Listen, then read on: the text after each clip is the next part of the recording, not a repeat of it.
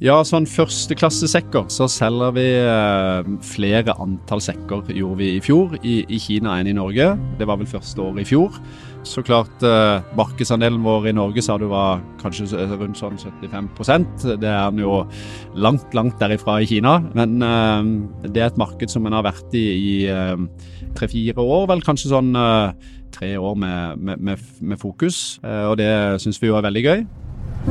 Hva må du egentlig gjøre for å være konkurransedyktig i en tid hvor verden stadig er endring? Du lytter til Næringspodden fra Sparebanken Sør. Her vil du oppleve næringslivet fra innsiden og møte inspirerende mennesker som er med på å utvikle landsdelen vår.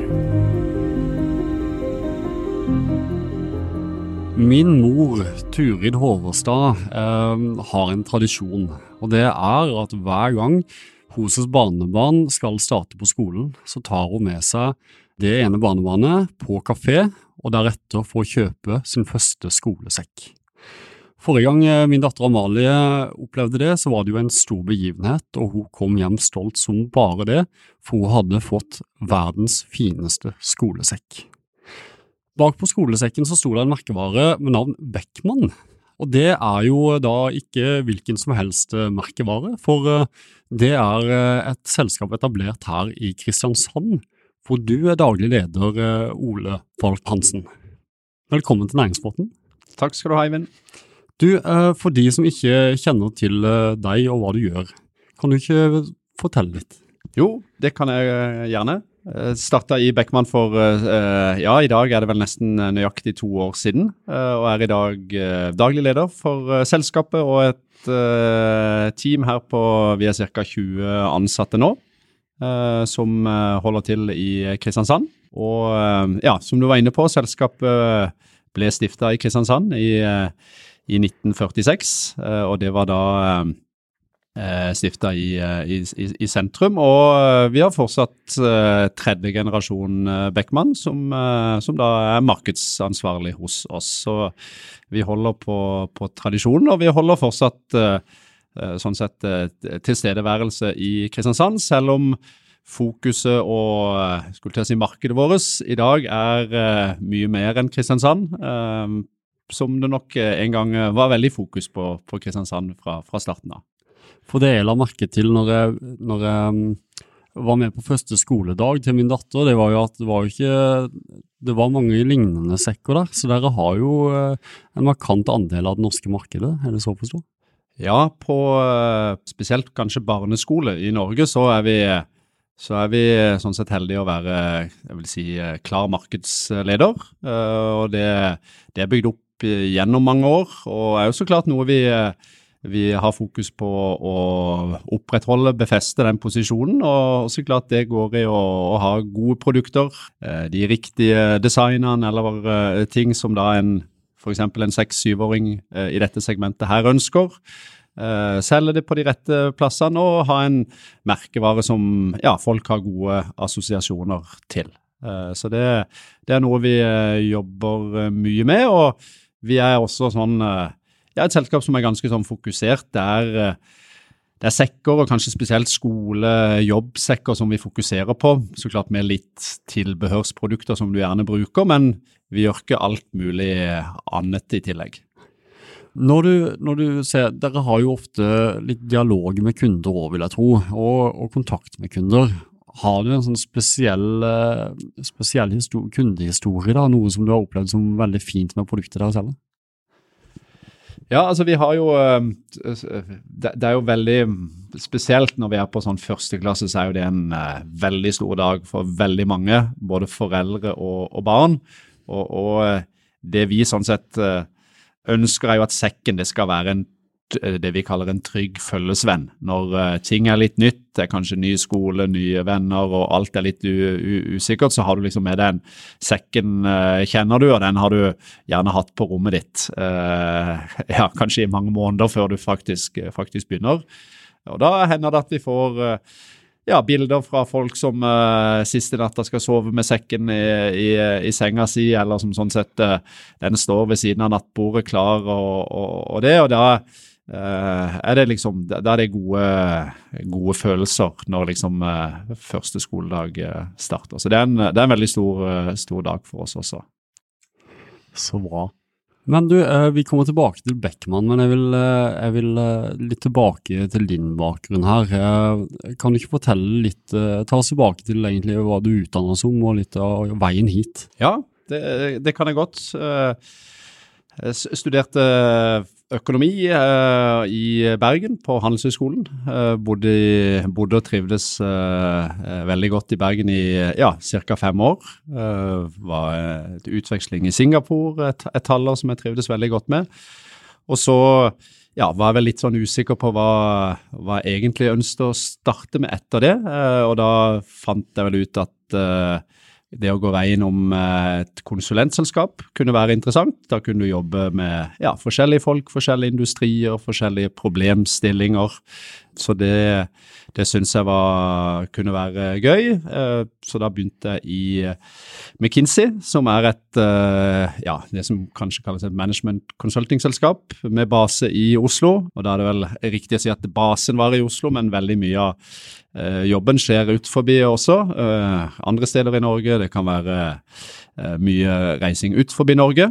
Så der var jeg i ja, eh, tre-fire år, eh, og jobba egentlig på veldig mange forskjellige ting. Følte fikk et godt innblikk i forskjellige industrier. Jobba med olje og gass, energi, eh, retail, oppkjøp, omorganiseringer, sammenslåinger, vekstprogrammer, kostnadskutt, alt, alt mulig. Og trivdes egentlig veldig, veldig bra der. Et godt arbeidsmiljø, mange unge og sånt. Mye jobb, men sånn sett i den i den alderen uten, uten barn og, og sånn, så passa egentlig det veldig bra. Og så fant jeg vel egentlig ut at uh, nå har jeg lyst til å jobbe litt mer kanskje langsiktig med, med en bedrift, et selskap. jobbe med noe over ja, kanskje flere år. Konsulent er det jo gjerne inn og ut. Du kan, være, kan gjerne være alt fra to uker til, til et år, men allikevel så er det litt, litt mer sånn prosjektbasert.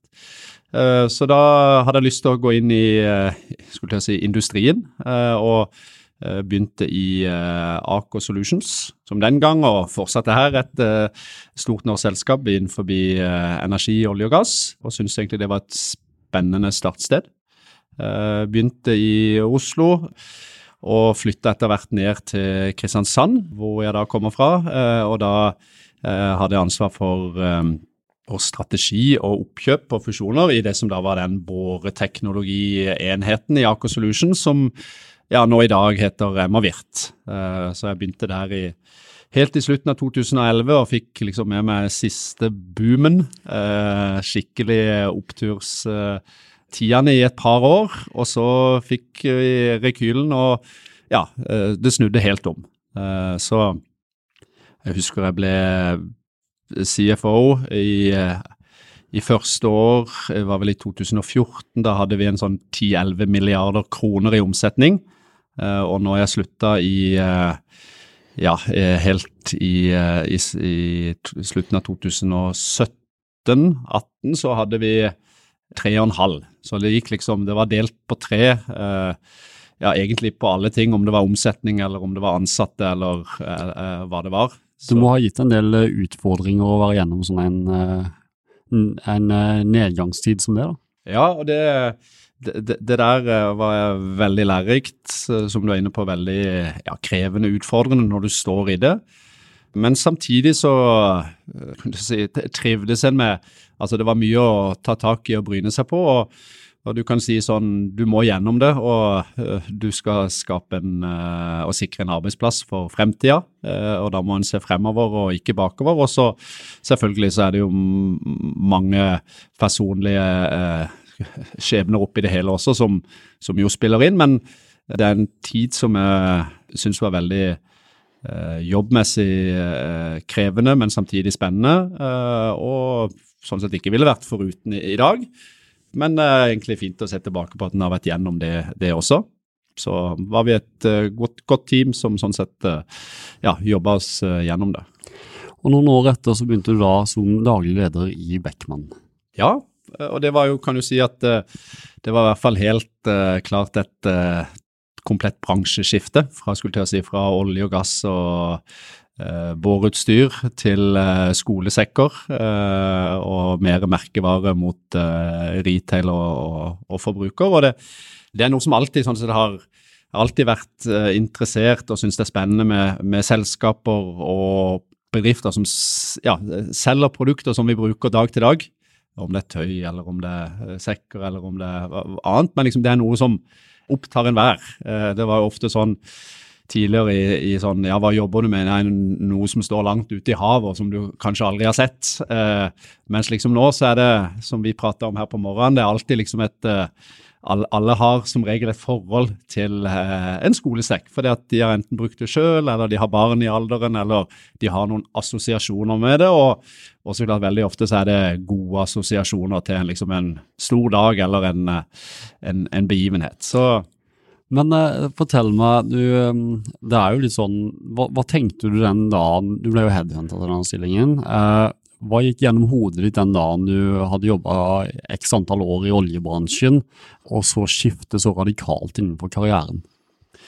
Ja, og jeg tror nok uh, med den, skulle jeg si, den starten bakgrunnen jeg hadde fra litt sånn konsulentrådgivningsbransjen, så var liksom det litt sånn å hoppe fra industri eller selskap til selskap, det var ikke så, var ikke så ukjent eller så, så, farlig. Det var, liksom, det var liksom Oi, her er det noe nytt du kan sette deg inn i. Du kjenner egentlig veldig lite om, eh, om kundene, om leverandørene, om produkter og sånt. Men det er liksom det er noe av det som jeg syns er veldig spennende. Så at du litt sånn må starte på blanke ark når det gjelder de tingene der. Og så må du ta med deg den ballasten og erfaringen du har i forhold til Eh, ja, hvordan eh, drive et selskap, men, men, men eh, du, du, har, du, har, mye å sette deg inn i ellers. Så det, det syns jeg egentlig er en sånn Det er en gøy utfordring, tenkte jeg.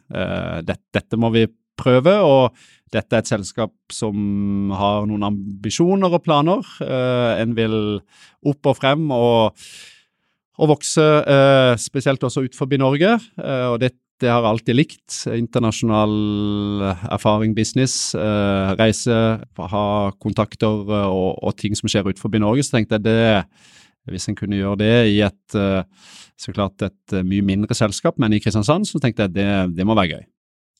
Jeg snakka i stad, introduserte episoden med min egen datter, men du, hva er ditt første møte med Beckman?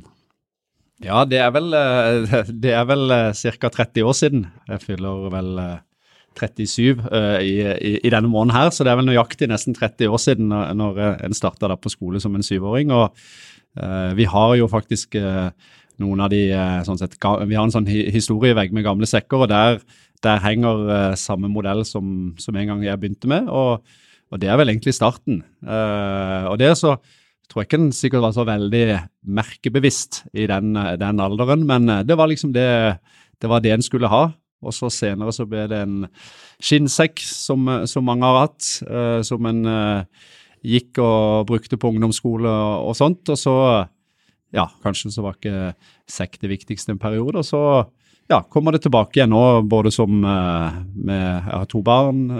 et barn går på barnehage og har sekk, og førsteklassing som har sekk. Så og det er ofte sånn vi ser det også hos, hos kunder. De har gjerne de har gjerne hatt en Beckmann-sekk eh, sjøl på skole og sånt, og så eh, 20 år seinere, eller eh, hva det er, så får de barn, og så liksom så kommer eh, minnene og historien fram. liksom, Jøss, var, det ikke, ikke Beckmann som jeg også hadde når eh, og, det, og det er en veldig sånn fin, eh, også sånn følelsesmessig ting, og som vi liksom tenker at ja, det skal være noe Det å liksom å kunne Eh, gi det samme til, til, barna dine som du har, selv om en sekk i dag er jo helt annerledes enn den vi brukte. Eh, hva som den gang var ergonomisk, er noe helt annet enn hva som er ergonomisk i dag. og det, så Derfor så gjelder det å ja, utvikle seg og følge med i tida på hva som er eh, hva som er riktig. Mm. Du uh, går jo inn og skal lede et selskap som har en uh, ja, godt over 70 år gammel historie, uh, som har gjort det veldig bra nettopp pga. at de har ja, ca. 75 andel av det norske skolesekkmarkedet. Hva krever det av deg som leder for å gjøre, ta det videre?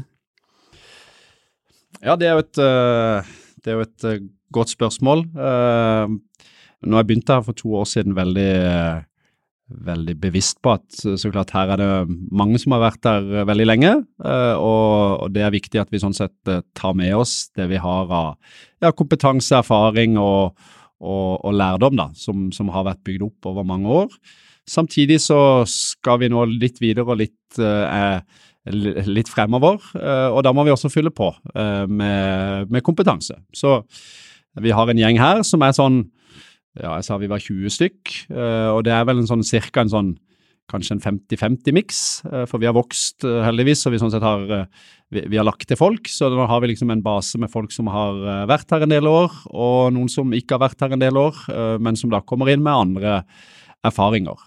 Så vi, vi bygger videre sånn sett på den tradisjonen og de verdiene som, som har vært i selskapet helt fra starten av, men så Samtidig så er vi eh, bevisst på at vi må være innovative. Vi må, vi må leve, leve, i 2020 som vi er i dag, og vi må tilpasse oss den markedssituasjonen, konkurransesituasjonen som vi er i dag. Så, så vi, ser oss, eh, vi, ser oss, ikke bare bakover, men vi, eh, vi sånn sett ja, tar det videre.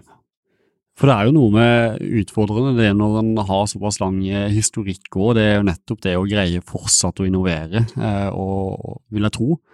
Jeg vet ikke om du eh, støtter den eh, påstanden?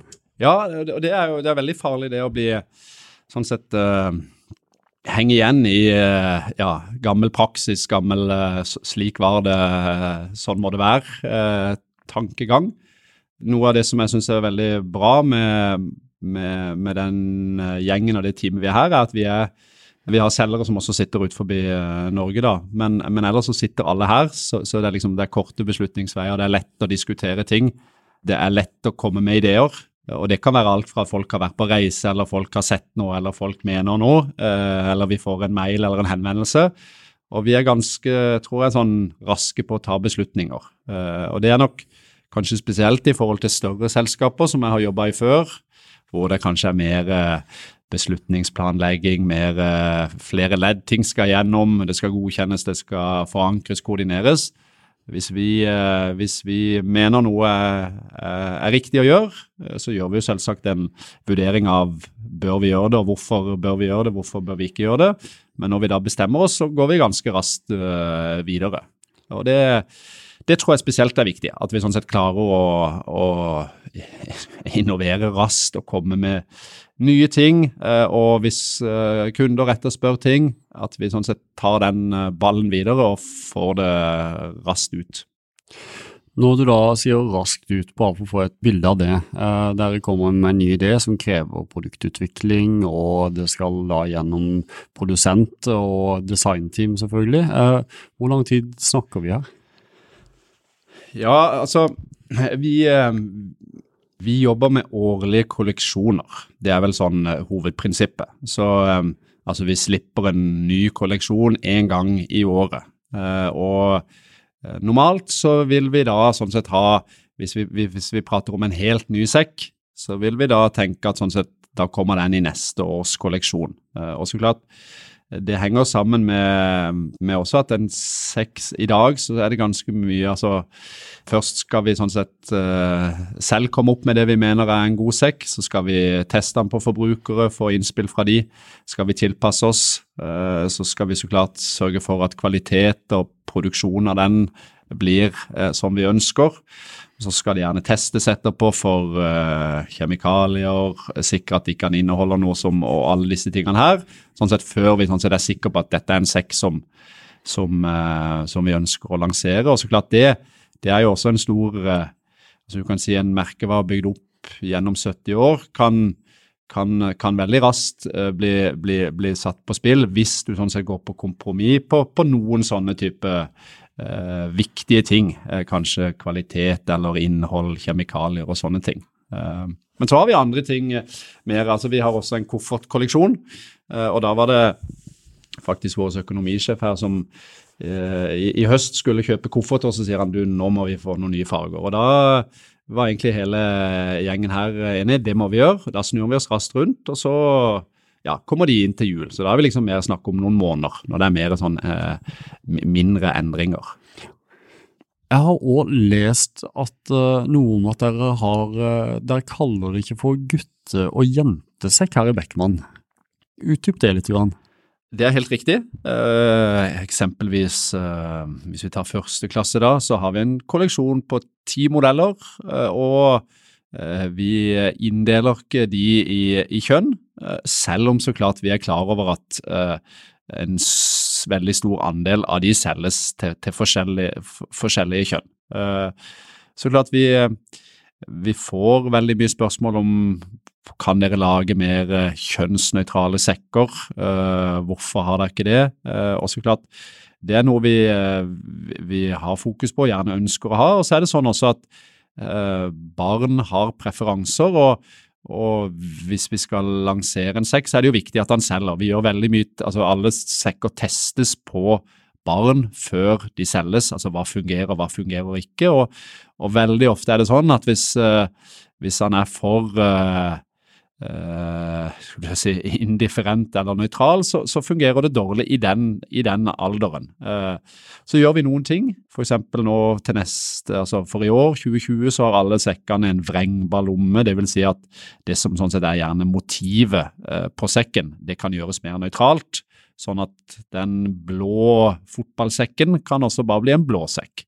og så har vi begynt også å Eh, ta bilde av alle sekkene med, med, med, begge kjønn, eh, sånn at det som sikkert noen typisk tenker det er en guttesekk, tar vi også bilder eh, med jenter, som sånn sett da legges ut etter hvert i sosiale medier og, og andre steder. Og det, det, som vi sier sånn er at ok, foreldre skal velge Beckmann som sekk fordi at det er gode ting med det, og så er det barnet som skal selv velge hva er det de drømmer om, eller hva er det de lever seg inn i. Og da, da, da, da prøver vi å oppfylle den, eh, den drømmen.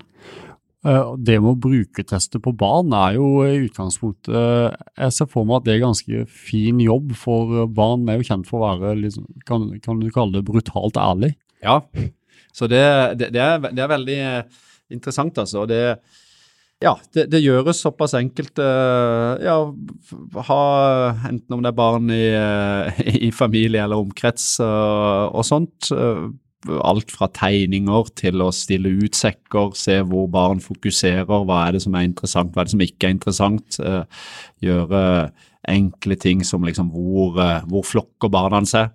Uh, og så er det viktig sånne ting som å av og til ta én og én, det at noen løper litt der alle andre løper, mens hvis du tar én og én, så, så, får du kanskje mer individuelle preferanser. Så det, du kan si det på en måte så er det veldig vanskelig å test med barn. Du, ikke så, du kan ikke liksom spørre og så få, få like et svar, men så, samtidig så er de veldig enkle å forstå når de får sånn sett lov til å utfolde seg. Og øh, barn syns det, de det er veldig gøy å få lov til å være med på, på sånne ting. For, for uh, Fortell meg også litt mer om sånn logistikken rundt dette. her da. Du har designteamet her i, uh, i Kristiansand uh, som sitter og designer alle sekker. Men uh, hvor er det dere produserer dette? Ja, uh, Produksjonen i, i dag, uh, som mye annet, er i hovedsak i Kina. Det er jo lenge før min tid, men tidligere så produserte Beckmann sekker i Kristiansand. Sydd ja, i, i, sentrum av Kristiansand. Og så ja, var det vel en gang, om det var sent 80- eller tidlig 90-tallet, så gjorde noen en klok beslutning om å, å, å sånn sett flytte det til, til, til Kina. Eh, så vi, gjør, eh, vi, gjør, alt av sånn sett utvikling, produktdesign, farger, mønstre, konstruksjon, bæremåte og alt det eh, gjøres her av vårt designteam. og så jobber en da egentlig med noen partnere, leverandører i Kina, som vi har jobba ganske lenge med som sånn sett da er våre eh, produsenter av sekkene. Det gjøres da der, og så fraktes da varene, når de er ferdige, til eh, det landet det skal selges i. Mye går ut til Norge, eh, hvor vi også har et lager her i Kristiansand, som alt liksom til norske butikker, og også nettbutikken vår, sendes ut. Og så I fjor etablerte vi et lager i Tyskland, som sånn sett skal dekke eh, Tyskland og landene rundt. og det, så klart det er jo også innenfor EU. Og så har vi da også de kundene vi har i Asia, sender vi direkte til fra fabrikk i, i, i Kina. Ja, for når vi er inne på det, jeg leste at dere har jo ganske stor markedsandel i Norge, men det kinesiske markedet selger, selges flere sekker i Kina enn det de gjør i Norge? Ja, sånn førsteklassesekker, så, så, så selger vi eh, flere antall sekker, gjorde vi i fjor, i, i Kina enn i Norge. Eh, og det, det, var vel første året i fjor. og det syns vi jo er veldig gøy. Så klart, markedsandelen vår i Norge sa du var kanskje rundt sånn 75% Det er den jo langt, langt derifra i Kina. Men det er et marked som en har vært i i ja, tre-fire år, vel kanskje sånn tre år med, med, med, med fokus, uh, hvor vi har en kinesisk distributør som da sånn sett uh, ja, er ansvarlig for det markedet sammen med oss, og som vi da jobber med og, og sånn sett støtter. Så der selges en Beckmann-sekk for ja, kanskje sånn 1000 norske kroner, og da, da er det folk som ønsker å ha ja, ha en god sekk, eh, en merkevare fra Norge eller Skandinavia. Eh, gjerne fokus ikke sant, på barns helse, du skal ta godt vare på, på barna dine, du vil gi dem de beste. Eh, kanskje er det også gode assosiasjoner til liksom, norsk livsstil, væremåte, skolegang eh, og sånt, som gjør liksom, at eh, den kombinasjonen av et, uh, av et, godt produkt og en merkevare med en historie og en, sånn sett, uh, noen verdier og følelser, uh, ja, ser ut til å fungere bra. Men markedsføringen av, av sekkene i, i, et asiatisk marked det er jo, byr det på utfordringer med språk og den type ting, eller er det de som tar seg av alt?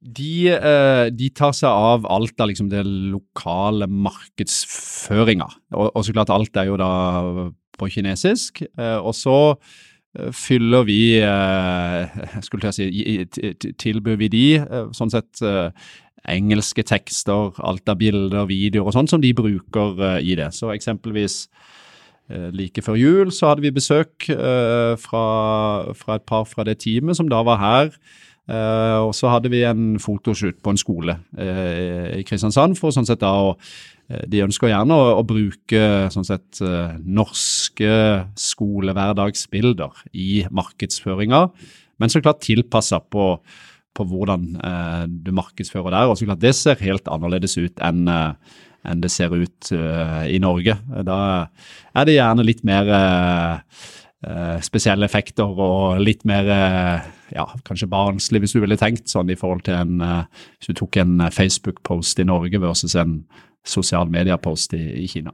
Ja. Men det er viktig, og sånn sett en må treffe og, og tilpasse markedsføringa og det til de lokale preferansene og behovene. Men produktet er helt likt som selges. Og, men eh, når vi først er inne på det med de lokale preferansene, eller eh, kanskje produktkrav, kan vi da gå inn på. Eh, for der har jeg òg lest at det er litt forskjellige krav i de forskjellige kulturene i land.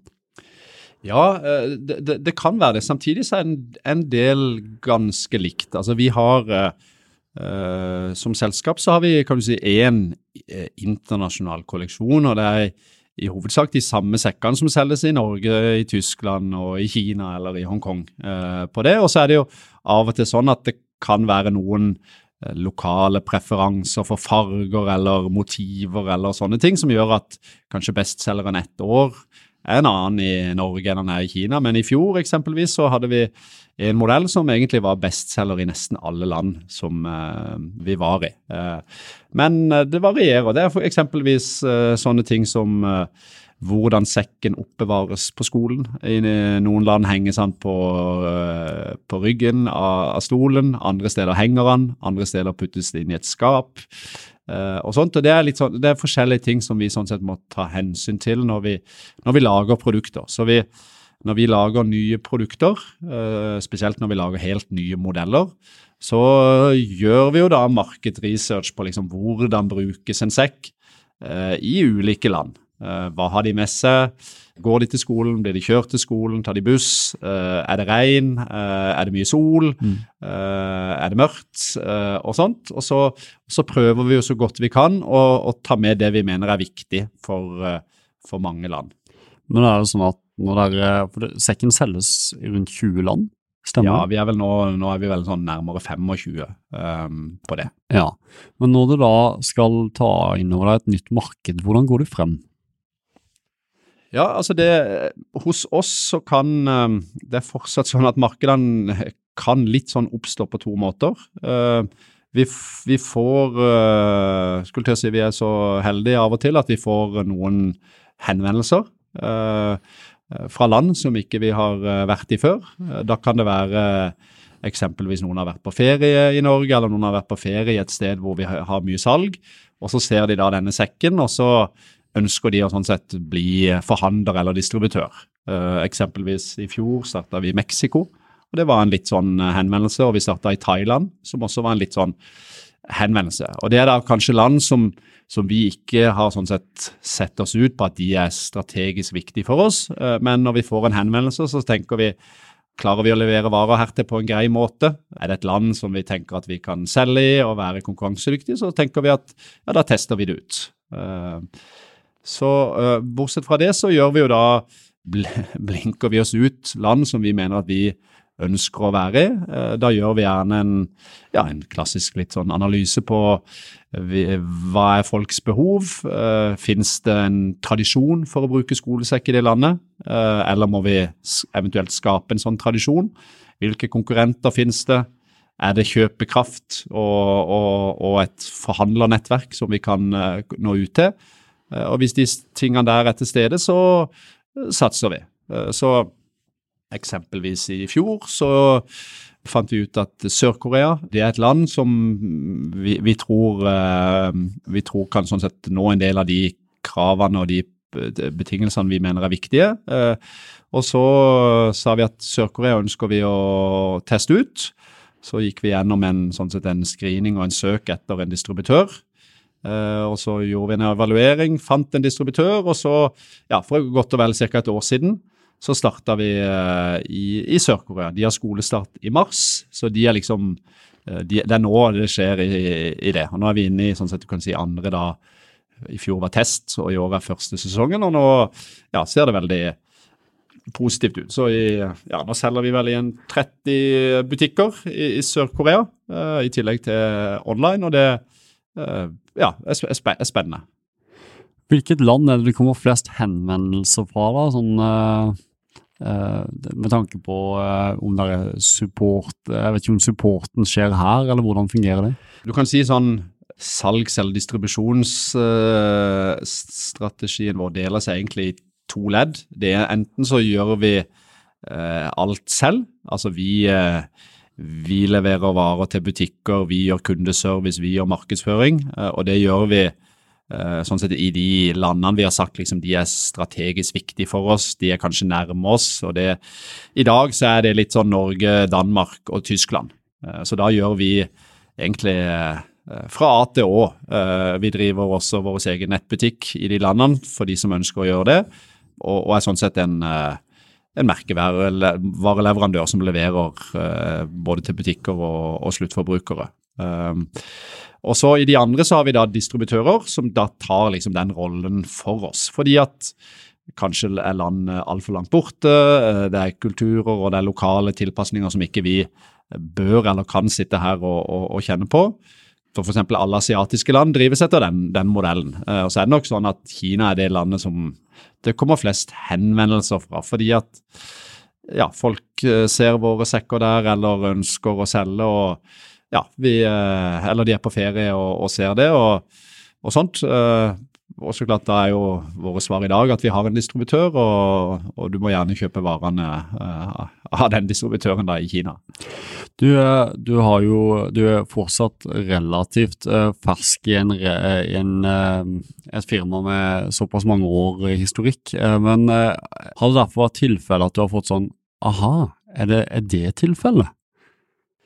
Det, har det helt klart vært, uh, i, og spesielt i starten. Og det er jo fortsatt veldig mange ting som, uh, som, som jeg kan lite om. Uh, og en del ting som, som, som, så klart også det er, ja, det er viktig at vi har flinke folk. F.eks. design og produktutvikling. Det, det, er nok, det, er nok, ikke der jeg skal sånn sett mene mest og, og, og, ta mest beslutninger, men da har vi heldigvis sånn sett et driftig designteam som, som, som, driver det. Men spesielt altså eksempelvis eh, lokale krav og henvendelser, det, det, det, kommer det stadig sånn jøss, er det viktig? Eh, eksempelvis Tyskland eh, må sekken kunne stå uh, av seg selv. Uh, og Det er litt sånn, det er gjerne et krav. at Hvis ikke han kan det, så er det ikke interessant.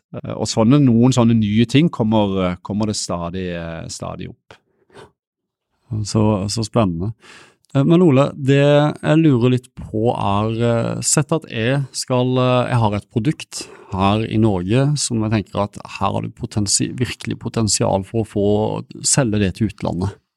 Har du noen tips til meg hvordan jeg bør gå frem? Ja, altså det, det, det er jo en eh, det, er jo et godt startpunkt uh, å ha det. Uh, og så Samtidig så er det jo en lang vei for å, å, å, å komme videre med det. Um, men jeg tror nok liksom det, det første er jo å, sånn sett kanskje først liksom finne ut dette produktet som jeg har. Er det faktisk sånn at det det er det etterspørsel, eller det, det, vil du få en etterspørsel etter i, i et utenlandsland.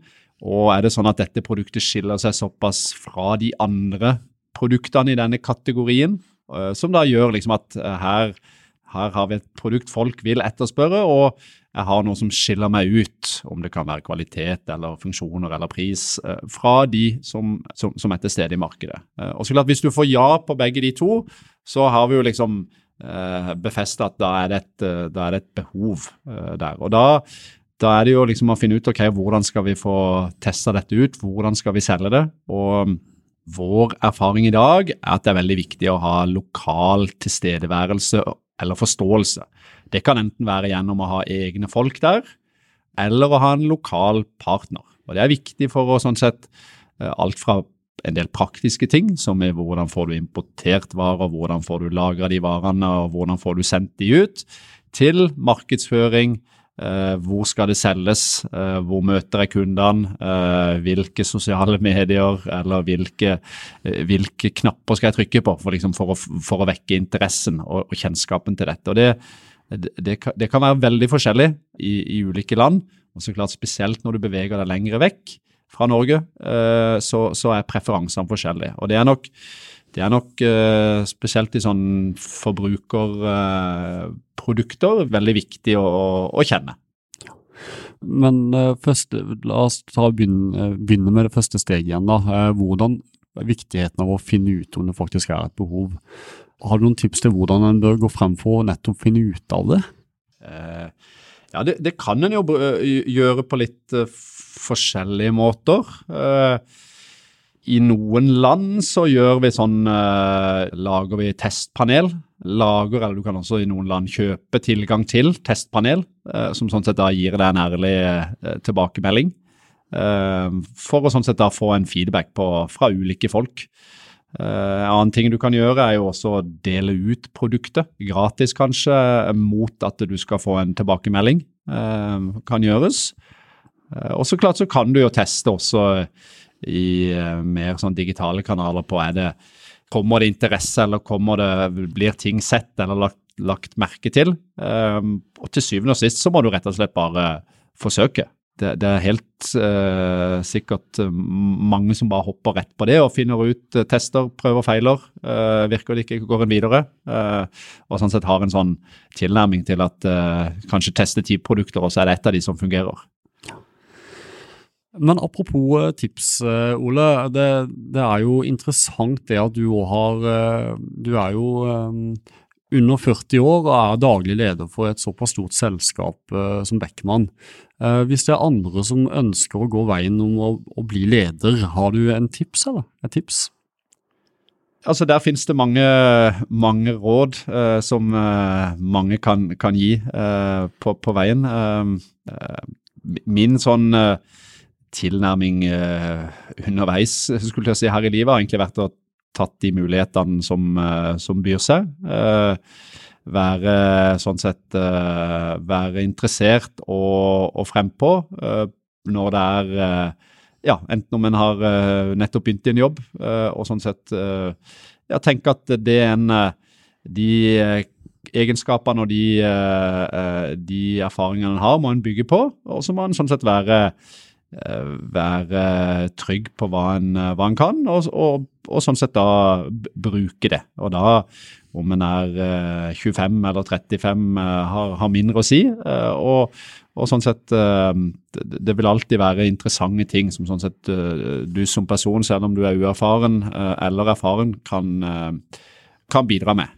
Og da, da har jeg ofte tenkt at er det noe som er spennende, hopp hopp på det. Uh, og så er det sånn at uh, mest sannsynlig så er, blir det veldig spennende. Uh, og skulle det ikke bli det, så, så, så, så, kommer det alltid andre muligheter.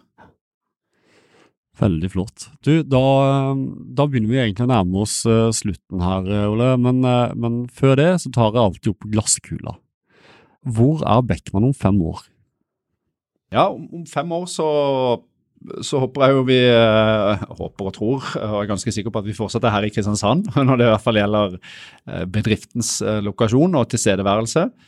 Og, og, da er planen vår at vi, at vi skal være enda mer internasjonale. Kanskje har vi veldig stor andel av omsetninga vår kommer fra land utenfor Norge.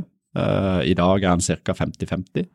Egentlig at vi, vi fortsetter med de liksom med de produktene og de verdiene vi, vi har tro på, uh, men at vi får liksom fotfeste og kjennskap i, i, i, de landene vi nå er gått inn i, og som vi da uh, år for år sånn sett bygger uh, litt mer kjennskap, litt større volum og litt større markedsandel, og det, det, har vi tro på at sånn sett skal, skal, skal gi oss vekst og, og fart de neste årene. Veldig bra. Dette er jo kalt Næringspodden, eh, og så kan vi leke oss litt med ordet næring. Og så spørre rett og slett, hva er det som gir du næring og inspirasjon i hverdagen? Ja, altså det er kanskje si det viktigste er de folkene jeg jobber sammen med, eh, eller jobber eller omgås eh, sammen med. Det er viktig. Det kan være så spennende arbeidsoppgaver som bare det, men hvis du jobber med hvis ikke du jobber sammen med noen om det, og du har et godt miljø og en god gjeng, så, så blir oppgaven i seg selv mindre viktig. Det er vel det. Ellers er jeg sånn uh, ja, aktiv og liker uh, ski og friluft og, og, de tingene der. Så, så, det å komme seg ut, kanskje få gått en skitur i helga og sånt, det, det syns jeg er veldig, veldig stas. Hvis noen ikke skulle vite hvor de får tak i en Beckmann-sekk, hvor eh, gjør man det? Ja, da, da har vi mange forhandlere eh, rundt om i, i Norge. Eh, bokhandlere, store Nordli eh, ark, eh, veskebutikker, eh, reisemagasiner, sånne ting. Og så har vi også egen nettbutikk, beckmann.no, hvor du kan kjøpe varene våre. Så bra. Du, da vil jeg egentlig bare takke deg for at du tok deg tid til å være gjest i Næringsboden. Takk for uh, du ville komme, Eivind. Veldig bra. Ha det fint. Du lyttet nettopp til Næringspodden av Sparebanken Sør. For flere episoder, gå inn på sor.no slash podden.